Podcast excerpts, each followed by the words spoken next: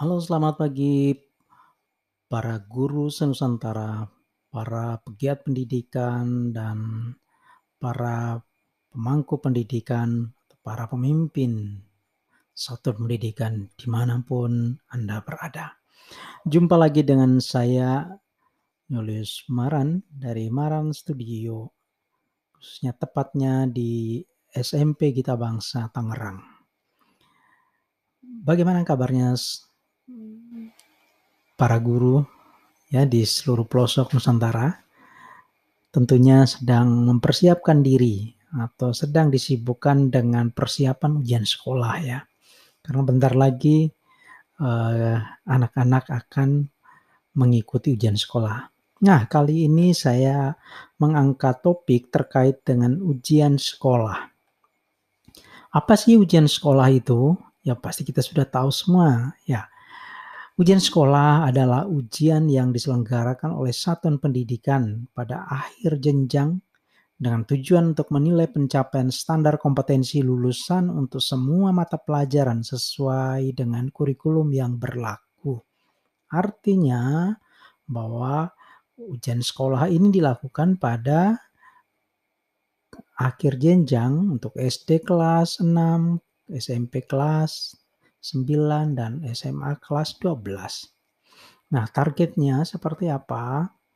Seluruh siswa pada akhir jenjang yang memenuhi persyaratan antara lain yaitu telah berada pada tahun terakhir di masing-masing jenjang atau program paket kesetaraan, kemudian memiliki laporan lengkap penilaian hasil belajar seluruh program pembelajaran yang telah ditempuh pada jenjang pendidikan tersebut.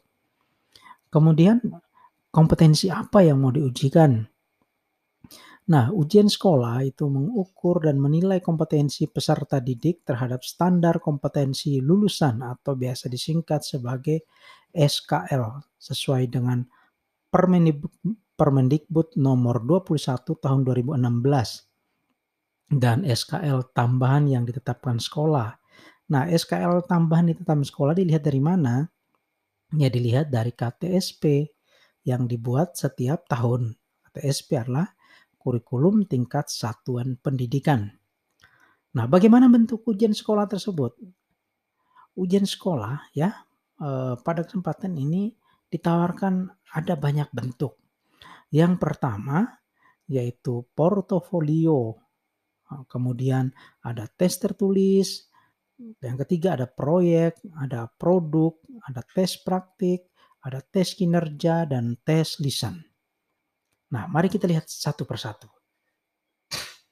Ya, jangan lupa seruput kopinya dulu ya, supaya bisa mencerna, bisa mengikuti dengan baik. Nanti bisa dibaca juga pada informasi-informasi yang lain, tapi ini kayaknya menarik kita ya, kita dengarkan sambil seruput kopi.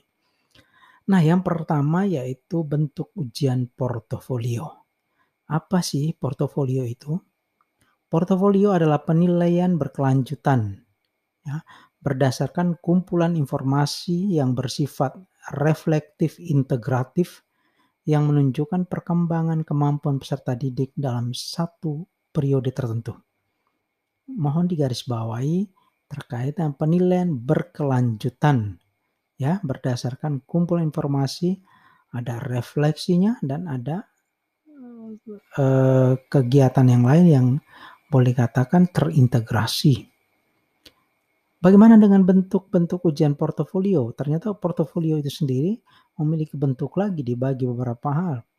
Yang pertama yaitu ada portofolio kerja, kemudian yang kedua ada portofolio dokumentasi, dan yang ketiga ada portofolio pilihan ya atau uh, showcase portofolio. Bagaimana dengan portofolio kerja? Nah, portofolio kerja merupakan sebuah koleksi hasil kerja pada suatu mata pelajaran atau kompetensi pada periode waktu tertentu. Nah, itu portofolio kerja. Kemudian portofolio dokumentasi yaitu koleksi hasil kerja ya atau produk. Produk siapa? Produk siswa pada suatu mata pelajaran pada satu periode waktu tertentu yang berisi hasil kerja pilihan terbaik yang diajukan untuk dinilai. Nah, itu. Kemudian yang ketiga, portofolio pilihan, yaitu digunakan untuk menunjukkan hasil terbaik yang dihasilkan oleh siswa pada suatu mata pelajaran atau kompetensi tertentu. Nah, itu kita lihat bentuk. Fungsinya untuk apa? Ya, portofolio. Mengumpulkan informasi hasil belajar melalui apa? Observasi sampel-sampel karya atau produk, kemudian analisis dan refleksi isi portofolio secara teratur, kemudian penyimpulan serta penilaian kemajuan siswa. Nah, kompetensi yang dapat diukur apa aja di dalam portofolio ini? Ada sikap, kemudian ada pengetahuan, dan ada keterampilan. Maka di sini guru perlu melakukan pemetaan SKL ya. SKL kemudian uh, kompetensi dasar yang paling sesuai untuk diujikan dengan portofolio. Artinya tidak semua tentu saja ya, tidak semua materi ya, tidak semua SKL itu bisa diujikan dengan portofolio. Bahkan dimungkinkan portofolio siswa ini mencakup penilaian beberapa mata pelajaran sekaligus. Nah, ini yang uh, dilakukan mata pelajaran beberapa mata pelajaran sekaligus. Ini yang di, kita lakukan di SMP Kita Bangsa, kita sebut sebagai portofolio kolaboratif. Nah, ini nanti pada edisi yang akan datang saya juga akan menjelaskan bagaimana uh, portofolio kolaboratif itu kita lakukan dalam bentuk digital. Oke, okay. bagaimana dengan langkah-langkah penilaian portofolio itu? Yang pertama, Siswa mengumpulkan karyanya, kemudian karya ini berupa hasil isian yang telah dikoreksi, kemudian hasil koreksi oleh guru tentunya, hasil penilaian harian, kemudian yang telah dikoreksi juga, hasil karya poster, tulisan, puisi, sertifikat, hasil kegiatan atau lomba, dan lain-lain. Nah, itu pengumpulan.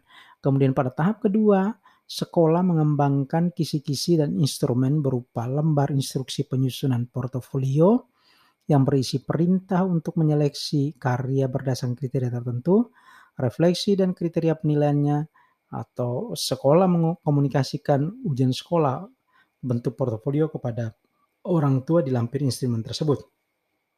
Kemudian langkah ketiga, sekolah menyusun jadwal penyusunan portofolio. Dalam hal ini jadwal siswa menyeleksi karyanya dan membuat refleksi terhadap karyanya. Nah, ini tekanan penting itu refleksi ya. Kemudian sekolah melakukan ini tahap keempat, sekolah melakukan pertemuan atau pameran portofolio dan penilaian. Nah, itu terkait dengan portofolio ya. Bentuk eh, portofolio ini bentuk ujian portofolio sebenarnya ada beberapa pertanyaan lagi. Nah, Nanti ketika bicara pada penilaian, kita juga mengenal adanya rubrik ya. Rubrik. Pasti udah paham ya berkaitan rubrik. Rubrik itu adalah panduan atau alat penskoran dalam penilaian yang dipergunakan untuk menilai kinerja peserta didik berdasarkan seperangkat kriteria tertentu. Komponennya apa aja? Yang pertama yaitu ada kriteria, yaitu karakteristik kinerja, kemudian ada level kinerja, kemudian ada deskriptor atau uraian atau spesifik terkait dengan masing-masing kriteria tadi. Terus jenisnya bagaimana? Jenis uh, rubrik ini bisa dalam bentuk rubrik analitik, yaitu menekankan penilaian pada capaian kinerja siswa berdasarkan masing-masing kriteria, kemudian dapat menyediakan umpan balik khusus pada banyak aspek yang dinilai. Kemudian ada rubrik holistik, yaitu menekankan penilaian capaian kinerja siswa berdasarkan lintas berbagai kriteria secara keseluruhan dapat menyediakan umpan balik khusus pada aspek tunggal ya tertentu dari penilaian. Nah, itu berkaitan dengan rubrik. Nah, bagaimana dengan langkah penyusunan rubrik? Nah, ini kita perlu tahu ya. Langkah penyusunan rubrik untuk portofolio. Pertama, yaitu kita harus menentukan atau menetapkan tujuan untuk pengambilan nilai atau untuk memberikan feedback atau untuk keduanya. Kemudian langkah kedua yaitu kita perlu menentukan jenis rubrik yang sesuai dengan tujuan yaitu memperoleh umpan balik dan skor secara detail atau umpan balik yang luas dan kinerja siswa secara keseluruhan. Kemudian pada langkah ketiga kita menentukan kriteria yaitu merefleksikan ekspektasi terkait capaian kinerja dan dapat diobservasi dan diukur.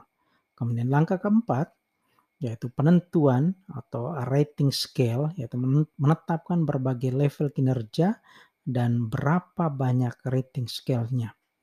Kemudian yang kelima, yaitu penentuan deskriptor atau dapat diobservasi dan diukur berbeda satu sama lain serta menunjukkan perkembangan atau kemajuan dari level kinerja yang lebih rendah hingga level kinerja yang lebih tinggi. Nah, saya kasih contoh salah satu rubrik analitik ya. Kriterianya yaitu kualitas sampel karya.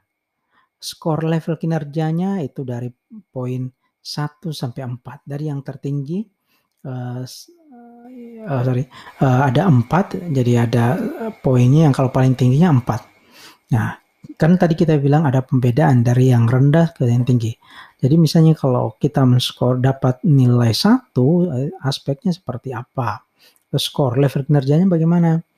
Nah, terkait dengan kualitas sampel karya, sebagai contoh di poin satu itu dituliskan ada tiga aspek yang kurang. Nah, kemudian kalau didapat poin dua berarti ada dua aspek yang kurang.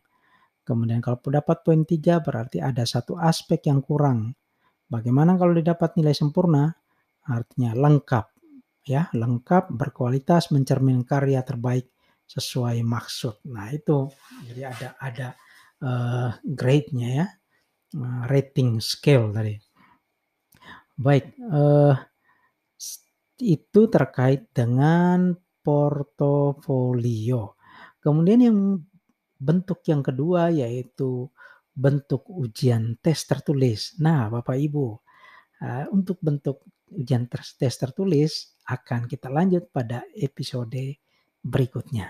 Tetap stay tune pada New Marans, ya, New Marans uh, podcast. Nanti kita akan lanjut terkait dengan bentuk ujian tes tertulis. Selamat beraktivitas dan selamat terus memberikan yang terbaik buat anak bangsa. Salam edukasi dari saya, Maran Studio.